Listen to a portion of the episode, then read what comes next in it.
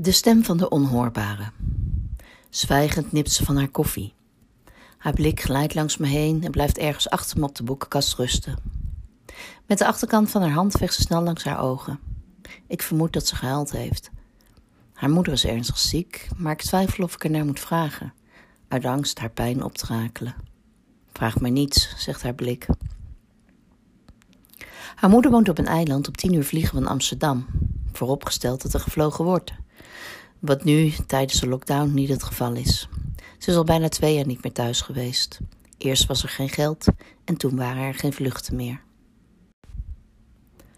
Het eiland is volgens de machthebbers een communistische helstaat. Er is een tekort aan veel. Soms bellen ze, niet te lang, het is immers duur. Een internetaansluiting ontbreekt. Haar moeder woont alleen. Een vader is er niet, nooit geweest ook, voor zover zij zich kan herinneren.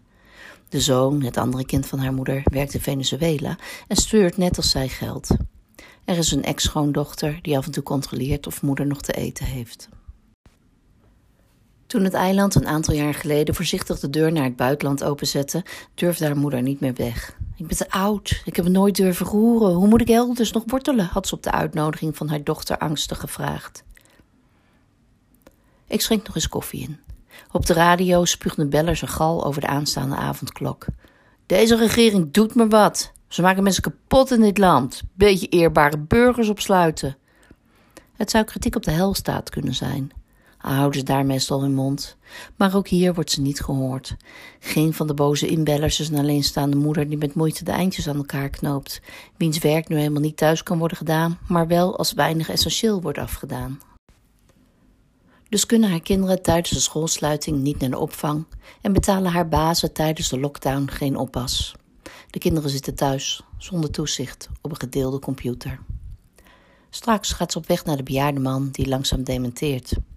Officieel maakt ze er schoon, maar zijn kinderen betalen haar vooral om te weten of hij nog leeft. Ze kunnen niet opereren, haar tumor groeit, maar ze hebben onvoldoende narcosemiddelen om te verdoven, zegt ze plots. Mijn broer heeft geprobeerd de narcose elders te kopen, maar het komt het land niet binnen. Binnenkort gaat ze dood. Helemaal alleen. Ik kan er niet heen. Ik kan haar niet halen.